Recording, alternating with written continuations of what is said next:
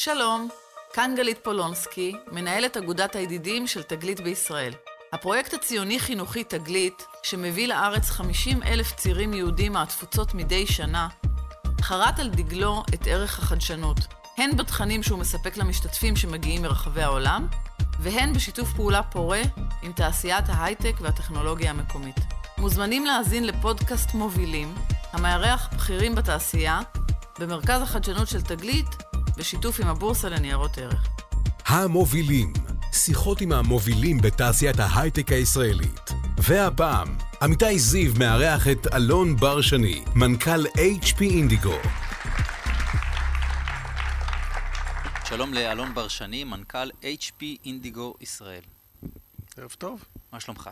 מצוין, תודה. אתה יודע, היה פה מקודם סטארט-אפ של פחות מ-100 אנשים, ואני יודע עליו יותר, הרבה יותר ממה שאני יודע על HP אינדיגו. זה מתסכל אותך? לא.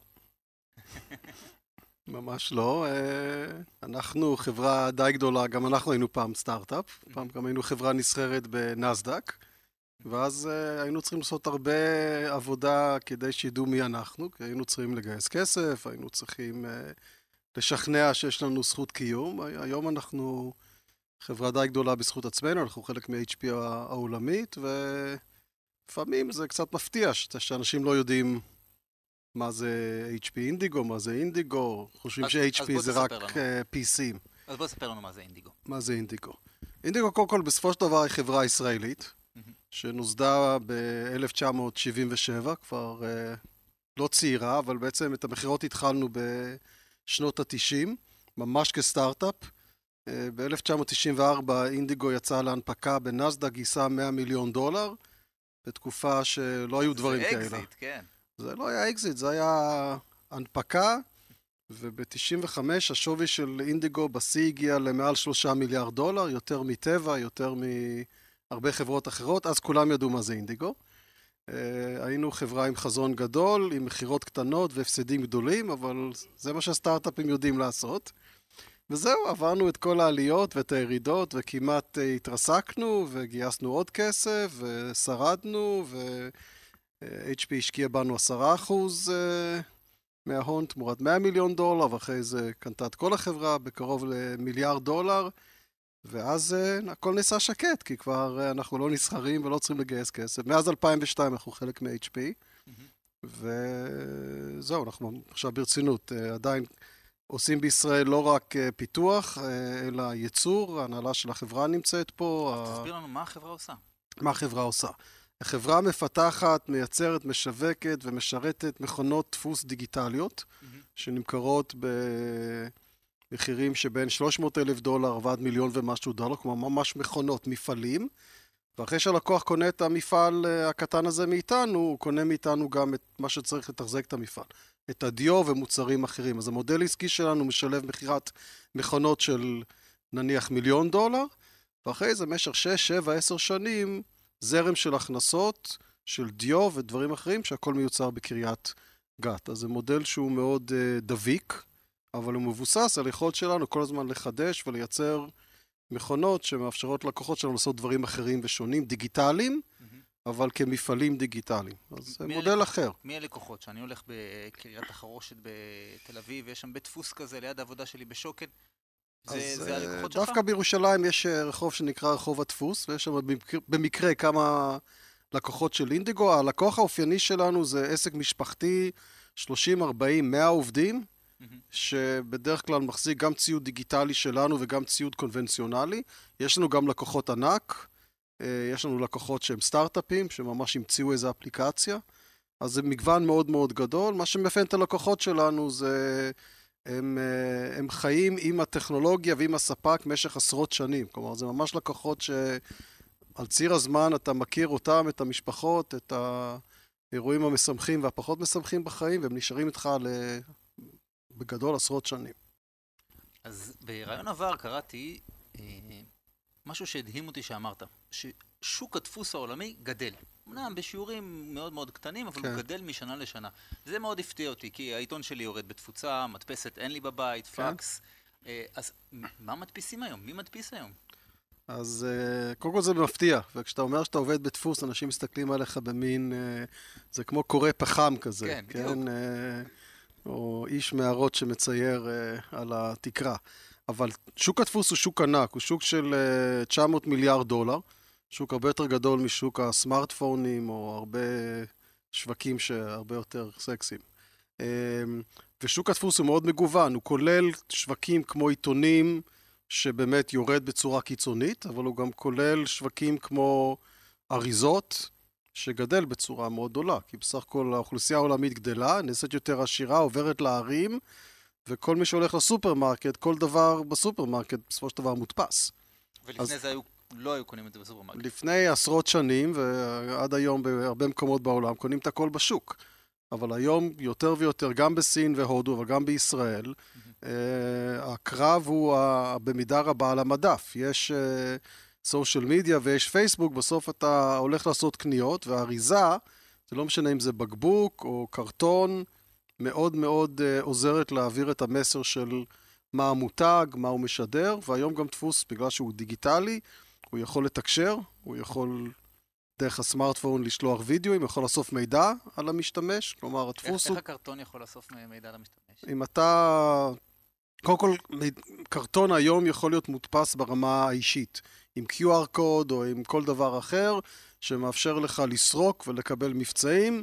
יש לנו לקוחות שמוכרים אה, פירות וירקות, אתה סורק את זה ואתה מקבל וידאו מהעיקר שמספר מתי הוא גידל את זה, איך הוא גידל את זה.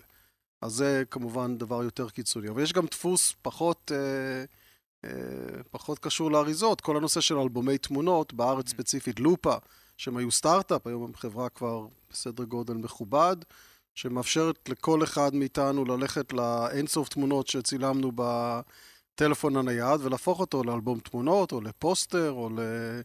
או לכוס, או לכל דבר אחר. אז הדפוס אה, זה מין דבר שאנחנו לוקחים אותו כמובן מאליו, אבל מי שינסה לתאר יום בלי דפוס, שאתה הולך לסופרמרקט ואין צבע, כל האריזות ריקות, או אתה נכנס לחדר כזה ואין שום דבר, כי זה לא מודפס, וכולי וכולי וכולי. תעשייה ענקית. נכון שהיא כבר לא גדלה בקצבים של 3, 4, 5 אחוז לשנה, כי יש מרכיבים בדפוס, כמו עיתונות, שיורדים חזק, ספרים כבר לא גדלים, אבל יש תחומים אחרים שעדיין מתפתחים מאוד יפה. מעניין מאוד. אה, קח אותנו, אם כבר דיברנו על דפוס, אז בוא, קח אותנו, מה מעסיק את התעשייה הזאת? או אם ניסע עכשיו לתערוכה גדולה, איזה טרנדים מעסיקים את, ה, את תעשיית הדפוס העולמית? בעולם המסחרי של עיתונות, אה, כרטיסי ביקור, אה, חוברות, אה, השאלה העיקרית זה איך אני נשאר רלוונטי בעולם שכולו הופך לדיגיטלי, סמארטפונים וכולי. כלומר, זה, זה ממש הישרדות. והתשובה הייתה צריך לעשות משהו ייחודי. אתה לא יכול רק לייצר ריצות מאוד ארוכות במחיר זול. כשאתה הולך לצד של האריזות, הדבר שמעסיק הכי הרבה את העולם זה הנושא של קיימות. כלומר, איך אני ממשיך לייצר אריזות, כי בינתיים אין פתרון להעביר את זה לאינטרנט, אבל אני עושה את זה בצורה אה, עם, ה, עם הכי פחות פגיעה בסביבה. לא תהיה אפס פגיעה בסביבה, אבל... מה הפתרונות של... של... אז הפתרונות קודם כל זה להדפיס רק מה שאתה צריך, ולא להדפיס מה שזול, ואחר כך לזרוק 40 אחוז כי אף אחד לא משתמש בזה. להדפיס את זה קרוב מאוד ללקוח, כדי שאני לא צריך להטיס כל דבר או לשים אותו על, על אונייה, וגם לייצר את הדברים בצורה יעילה. הדפוס, הלא, הדפוס הקונבנציונלי הוא מאוד מאוד לא יעיל. יש הרבה, הרבה אלמנטים של להכין את ההדפסה, של הגעות מאוד ארוכות. דפוס דיגיטלי, בין היתרונות ש, שאנחנו מספקים זה, אתה פשוט מדפיס מה שאתה צריך, מתי שאתה צריך, איפה שאתה צריך. אז היום כשאתה בא עם מסר כזה, הלקוח הסופי לא רק עושה את החשבון הכלכלי, הוא בא ואומר, אני נדרש על ידי המותג הסופי גם להראות שאני מייצר בצורה אה, אפקטיבית, ידידותית לסביב, לסביבה, והדפוס הדיגיטלי בהחלט משתלב במגמה הזו. אוקיי. כמה עובדים אתם פה בישראל? אה, קצת פחות משלושת אלפים. פחות משלושת אלפים. קצת פחות, כן. 2,800, משהו איך, איך כזה. זה מתחלק? איזה סוג עובדים יש? אמ, בערך אלף זה פיתוח, ואצלנו פיתוח זה שילוב של אה, חומרה. אלף אנשי פיתוח. אלף אנשי פיתוח. זאת אומרת, גם מהנדסי תוכנה? מהנדסי חומרה, מהנדסי מכונות, מהנדסי תוכנה, אלקטרוניקה, הרבה פיזיקאים, הרבה כימאים, כי בסוף אנחנו מייצרים מכונות מאוד מורכבות, אבל גם את הדיו, שזה כימיקל. וגם הרבה תוכנה כמובן. ש... אז אלף בערך אנשי אה, פיתוח. מה עושים האנשים האלה? באים בבוקר ו... ממציאים. ממציאים, ממציאים עושים דיו? ניסויים. חלקם ממציאים דיו, דיו חדש, חלקם ממציאים... אה, אה, מערכות מכניות שמעבירות את הנייר במהירות מאוד גבוהה, חלקם ממציאות חומרים שנדבקים אחרי ההדפסה כדי לאפשר כל מיני אה, תכונות, הרבה מאוד תוכנה, גם להפעיל את המכונה.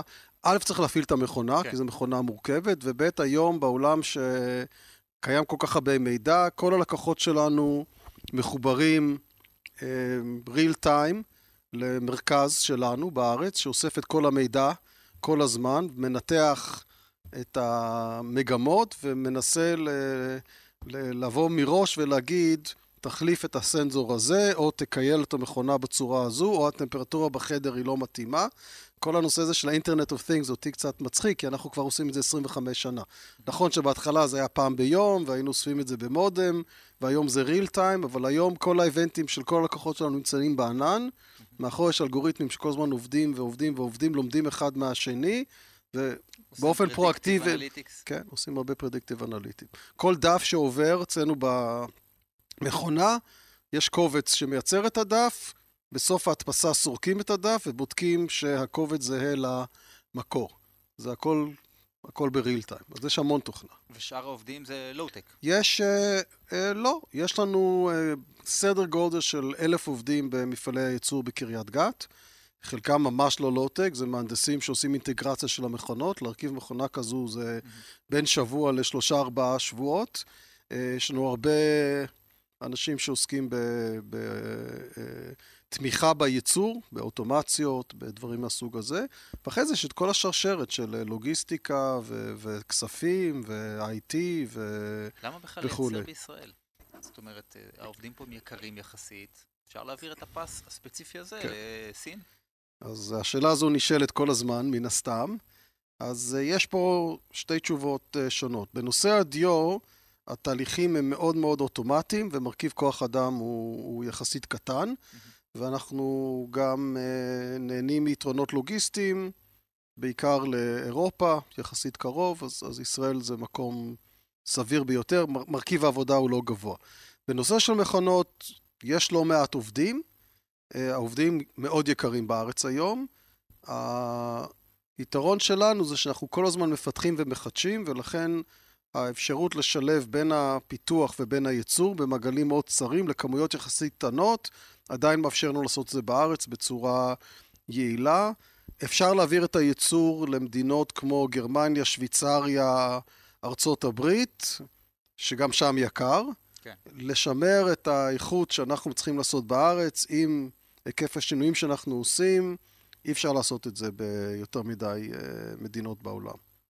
אז אה, אבל, ככל שהשקל אה, יותר חזק, ככל שהמשכורות עולות, יותר קשה, צריך לעבוד קשה. למטה בארצות הברית. הסברים למטה בארצות הברית תמיד צריך. הבנתי. אז, אז באמת בוא נדבר על זה קצת. אתה אחד המנכ"לים הוותיקים בישראל. אתה התחלת בחברה, נחת בחברה ב-1995? 95 נחתתי. איזה, איזה לא חברה... נחתי, נסעתי, כן. איזה, איזה חברה מצאת ב-95? מה היה המצב שלה? אני ב-95 הצטרפתי ממש בשיא. מאז הכל ככה מידרדר, אבל ב-95 זה לא מצחיק. אני הצטרפתי לאינדיגו ממש בסוף דרופה, שזה התערוכה, התערוכת הדפוס הגדולה בעולם, ואז אינדיגו הייתה חברה נסחרת, ו... אני התראיינתי והתקבלתי לעבודה, לפני זה עבדתי בכימיקלים לישראל. ורציתי לעבור להייטק, מכל מיני סיפור ארוך, לא כך מעניין.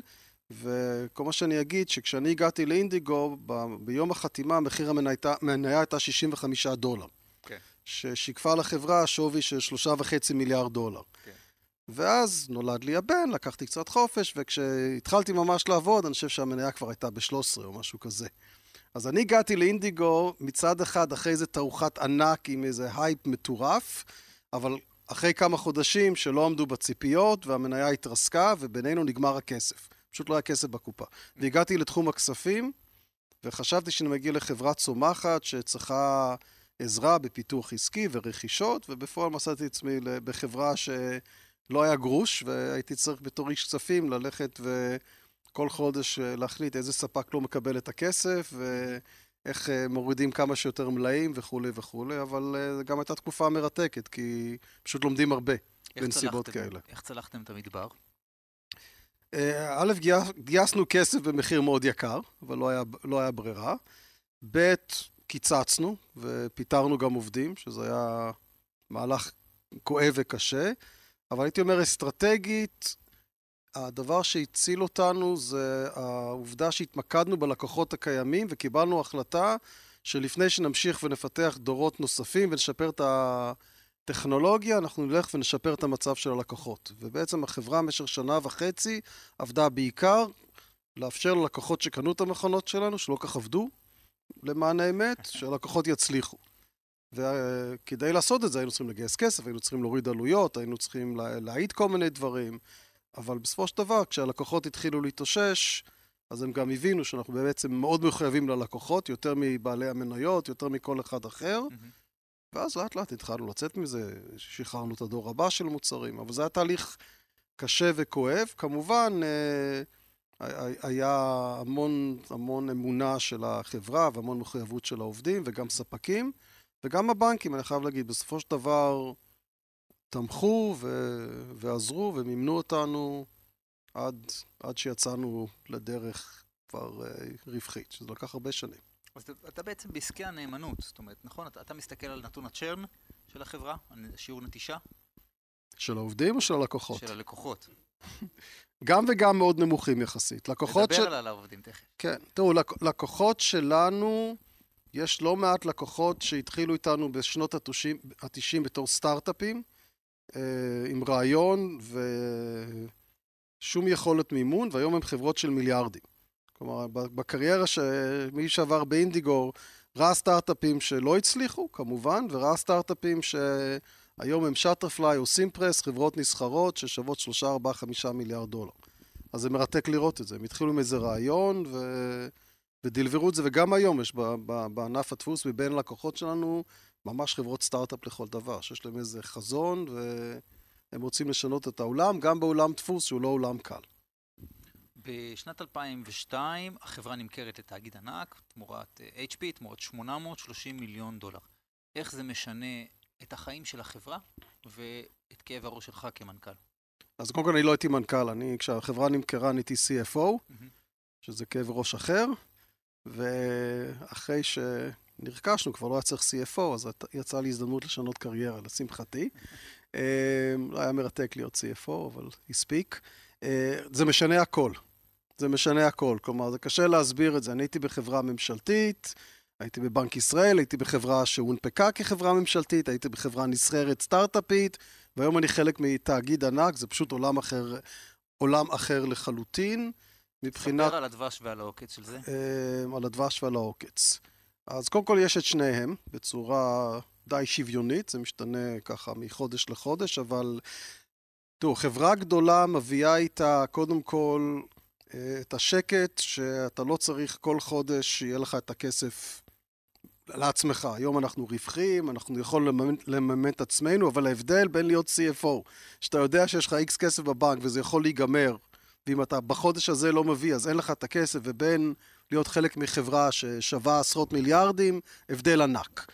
ה brand הוא הבדל מאוד גדול. אחד הדברים שמאוד הטריד אותנו כחברה ישראלית סטארט-אפיסטית בזמנו, זה שאנחנו צריכים למכור לחברות משפחתיות קטנות, שצריכות לשים חצי מיליון דולר, ואחרי זה להיות תלויים באספקה במדינת ישראל של דיו לכל החיים שלהם. Mm-hmm.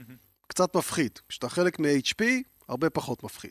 בפועל עדיין הייצור בישראל, אבל מבחינת ה brand זה, זה לא קיים. אז יש, יש הרבה יתרונות. האחרון שאני אגיד, חברות גדולות יודעות איך לעבוד לטווח ארוך, לטוב ולרע. אבל אנחנו עבדנו כחברה ישראלית, הרבה יוזמה, הרבה יכולת לשנות מהיום למחר, מעט מאוד תכנון אסטרטגי. וכשנכנסנו ל-HP, כל הזמן שאלו אותנו, איפה תהיו בעוד חמש ועשר שנים? מה ה-end state?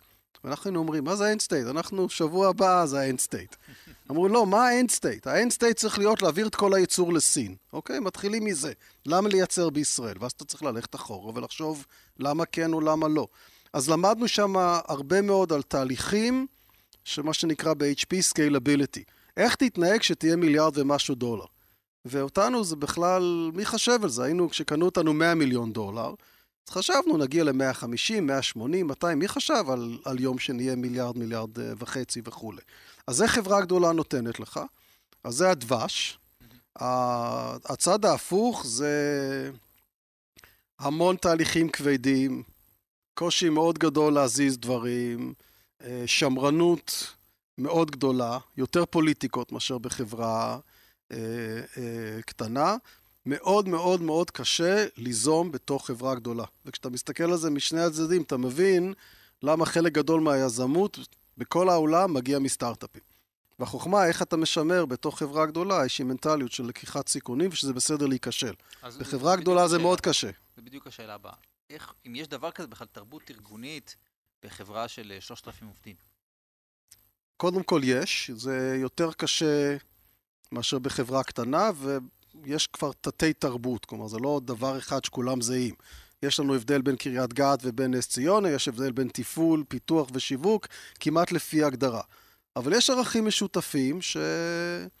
שכן, הם נצברים משך השנים, ו... ואם מאמינים בהם, ואם מדברים עליהם, ואם פועלים לפיהם, אני חושב שאפשר לשמר את זה. כי בסך הכל... אה, תרבות זה, פעם אמרו לנו באיזו הרצאה, שתרבות זה אוסף הסיפורים שהעובדים מספרים על החברה, על ההנהלה, על, על ההיסטוריה. ומתוך הסיפורים לומדים מה, מה דו-השיח ומה חשוב ומה לא חשוב. אני אתן דוגמה, ב-2008-2009 העולם עבר משבר מאוד מאוד קשה. והרבה חברות לא שרדו, ויש חברות ששרדו, אבל בצורה די נוקשה. פיטרו עובדים, עשו צעדים מאוד קשים. ואנחנו עברנו את זה באינדיגו בלי, בלי לפטר עובדים בכלל. אה, כן הורדנו תנאים ואפילו משכורות בצורה מדורגת, יותר למנהלים, פחות לעובדים, וזו הייתה במין תחושה כזו של מחויבות הדדית, שזה אחד הדברים המאוד חשובים בתרבות של אינדיגו, המחויבות ההדדית. אז uh, עברו עוד עשר שנים, גדלנו עוד יותר, אז זה עוד יותר מסובך, אבל יש דברים שאני מסתכל עליהם ככה כבר 25 שנים בחברה, שמתישהו ניטעו בשנות ה-80 וה-90, הרבה, הרבה לפני שאני הגעתי לחברה. ויש דברים שהשתנו, גם כי אנחנו יותר גדולים, גם כי העולם השתנה, העובדים היום ברובם כבר לא, לא זוכרים את הסיפורים של 77 או 80 או 90, אבל אנחנו חברה מאוד מאוד מאוד ישראלית, ואנחנו אומרים את זה בצורה ברורה, ובגאווה, וגם בצניעות, כי יש גם חסרונות להיותנו ישראלים, אבל אנחנו נחשבים חברה ישראלית, גם בתוך HP, בסך הכל הניהול פה, השיווק פה, האסטרטגיה פה, הייצור פה, אז, אז לטוב ולרע, זה, זה חלק מהתרבות שלנו, הישראליות. בקרב האלף עובדי אה, פיתוח האלה, שהם עובדים יקרים וקשים, אם בא לך... יקרים, יקרים, לא קשים. אף עובד לא קשה. לא, אני מדבר על תהליכי הגיוס, זאת כן, השאלה בעצם. קשה לגייס, כן. כי הוא יגיד לך, תשמע, יש סטארט-אפ כן. בתל אביב, שדרות רוטשילד, אני רוצה לעבוד שם. איך אתה מגייס אה, אה, מפתח כזה? אז קודם כל, הדבר המדהים באינדיגו זה שמגוון העיסוקים הוא מדהים. אין הרבה חברות כאלה, לא רק בארץ, בעולם. כי תחשוב, אנחנו מייצרים מכונות סופר מורכבות, אנחנו מייצרים כימיקלים מאוד מורכבים, תוכנה, אנחנו עוסקים בלוגיסטיקה, ביבוא, בייצוא, בכספים. אז א', מרתק, ואנשים שעכשיו פורשים מאינדיגו אחרי 30-35 שנה תמיד מספרים, הם הגיעו לאינדיגו ב-82, לשלוש-ארבע שנים, והם נמצאים 40 שנה או 30 שנה, אבל מרגישים כאילו שהם היו בעשר חברות שונות, כי הם כל הזמן עושים משהו אחר. אז זה עוזר לגייס, אתה בא ואתה אומר, אני פעם אחת חלק מחברה בינלאומית ענקית, פעם שנייה אני חברה ישראלית. אני חברה שעוסקת בתוכנה, אבל אני גם עוסקת בחומרה. אני מפתח, אבל בסוף אני גם רואה את המוצר שלי עובד אצל הלקוח הסופי. עכשיו, אנחנו לא יכולים להתחרות לא במשכורות ולא בברנד של גוגל, פייסבוק וכולי.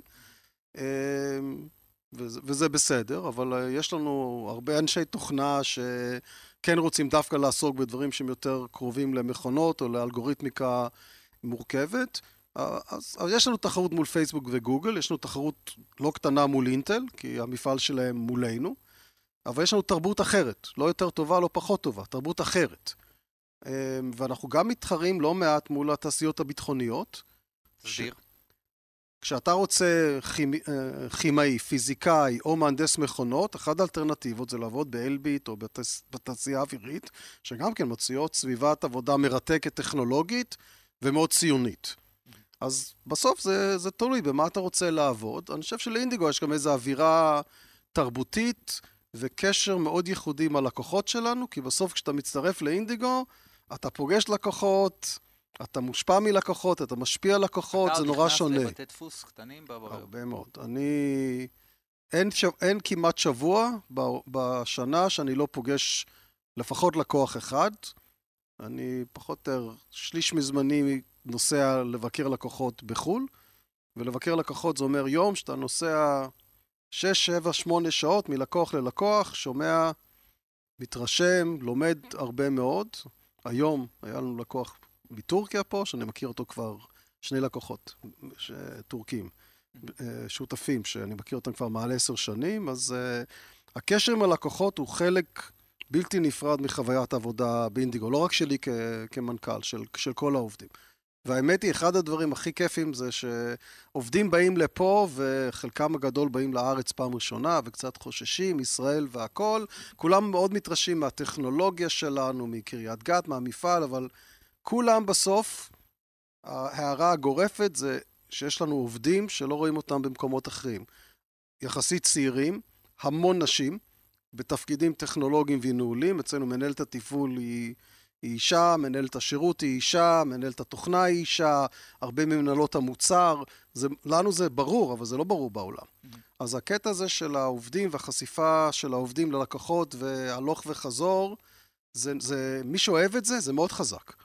לשבת במשרד לתכנת, בסדר, בסוף ה, מה שעשית נמצא כנראה בתוך איזה אלגוריתם, בתוך איזה מוצר, אבל אתה לא מכיר את הלקוחות הסופיים.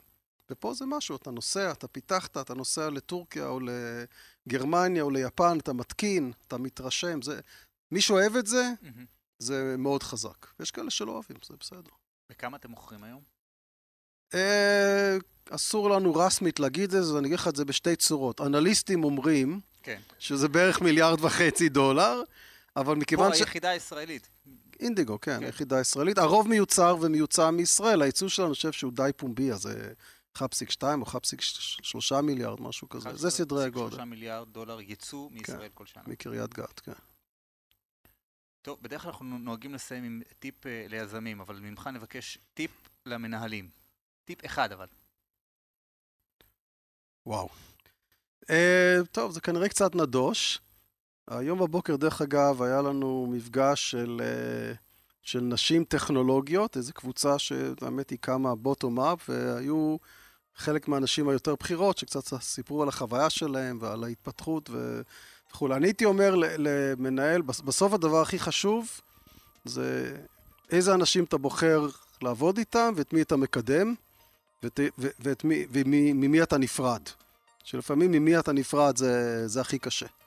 וכמנהל, כשאני מסתכל היום, רוב השגיאות שעשיתי, ועשיתי הרבה, הדברים שאני הכי מצטער עליהם, זה מקומות שחיכיתי יותר מדי להזיז את האנשים למקום אחר. מקום אחר יכול להיות מקום אחר בחברה, או לפעמים גם מחוץ לחברה. וכשאתה מסתכל בדיעבד, בדרך כלל, כשמחכים יותר מדי זה לא טוב ל... לאף אחד. העצה שלי למנהלים זה נושא של ניהול ה... ניהול הטאלנט וניהול האנשים חייב לקבל את העדיפות ה... הכי חשובה. זה ככה, יש הרבה דברים, אבל זה בעיניי מאוד חשוב. תודה רבה, אלון שבאת, תודה רבה. תודה.